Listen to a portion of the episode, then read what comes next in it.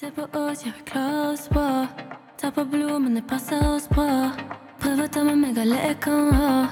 Prøv å vite hva som gir og hva som tar. Luna, som du hører her, det er en av artistene som skal opptre på årets Bylarm i Oslo om tre uker. Men publikum både på denne festivalen og på andre konserter må fortsatt deles inn i kohorter med avstand. Det er urimelig når resten av samfunnet nå prioriterer vaksinasjon og testing fremfor smittesporing. Det sier pressesjef i Bylarm, Erik Egenes.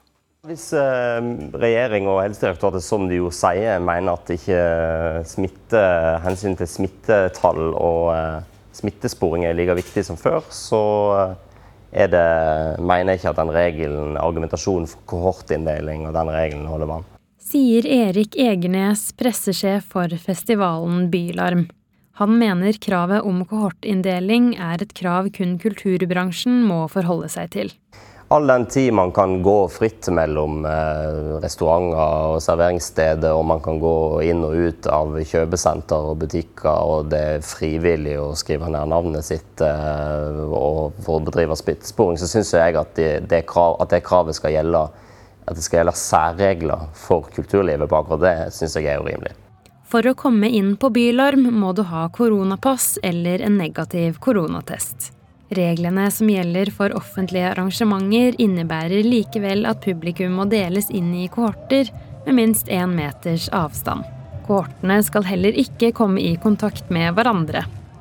Det byr på logistikkproblemer, forklarer Egenes. Kravet har også stått i veien for å kunne gjennomføre for noen festivaler, sier leder for Norske konsertarrangører Tone Østerdal. Vi vet om festivaler som rett og slett eh, ikke har uh, maktet å gjennomføre pga. dette kravet om kohorter.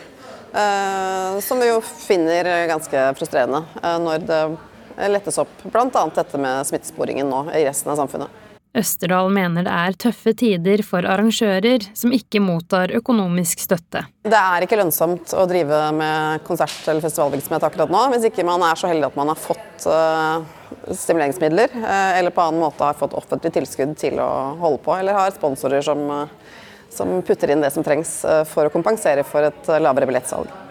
Helse- og omsorgsminister Bent Høie sier kohortkravet er nødvendig for smittesporingsarbeidet. Noe av det som kommunene syns er vanskelig i en tid der det er mer åpent, er jo nettopp smittesporing. Og Hvis vi hadde tatt vekk kohortene, så hadde smittesporingsarbeidet blitt enda tyngre.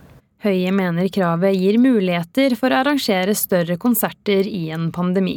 Ja, det er jo sånn at Dette gjør det jo i hvert fall enklere å drive smittesporing. Og så ville jo alternativet vært å ha hatt mindre arrangementer. og jeg tror at uh, for kulturlivet så er det jo viktig å kunne nettopp ha noen større arrangementer, men da kunne ha eh, avstand mellom ganske store kohorter nå, spesielt hvis de bruker koronasertifikat. Så jeg har veldig høye forventninger til årets festival, og det ser det ut til at publikummet har.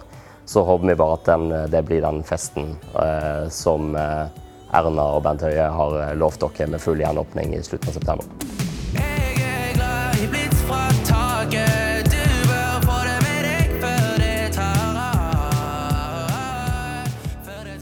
Ja, Til slutt der så hørte du Isa, som også skal opptre på årets Bylarm. Reportere her det var Gerd Johanne Brodland og Anita Kristiansen.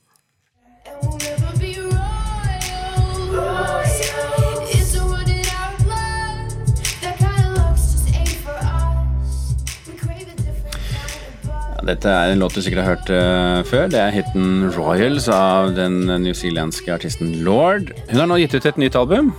Te Ao Marama, eller World of Light. Og den tittelen, eh, kulturjournalist Emily Louisa Milan Eide, den forteller oss at det er noe spesielt med dette albumet.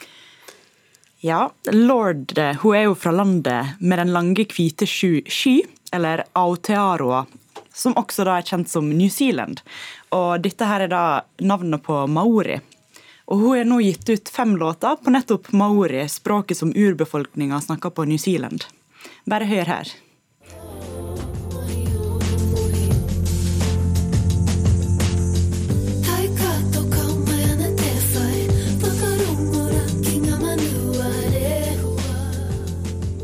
Dette er altså Hineitea oetea, eller eh, Oceanic Feeling, som det skal eh, være oversatt til på engelsk. Ja, Eh, Lordi, rett, eh, Lord har rett og slett oversatt eh, fem låter fra sitt siste album 'Solar Power' til maori. Men hun snakka ikke språket sjøl, og kunne bare et par låter som hun hadde lært på barneskolen før hun begynte med dette prosjektet. Og Hun har forklart at maori-kulturen ikke var en stor del av livet hennes men eh, at det har gjort henne litt trist, og at hun har hatt litt skyldfølelse for det. Og nå ønsker hun å være en ambassadør for New Zealand altså å hylle maori-folket. Mm, men Sier hun noe om hvordan det var å spille inn et album på et uh, fremmed språk for henne? Hun syns det er et veldig vakkert språk, og at det var en veldig stor oppleving. Uh, og hun elsker å synge på maori. Men hun er jo ikke maori sjøl, uh, og hun er vokst opp med element fra verdensbildet til eh, maoriene. Som det å lytte til og ta vare på naturen. Eh, og hun tror at det er maorikulturen som gjør at folk tenker på New Zealand som en litt magisk plass. Mm. Alle inntektene til albumet går til en veldedighetsorganisasjon. Eh, Maori sådan, kulturjournalist Emily Louisa Millan Eide, takk skal du ha.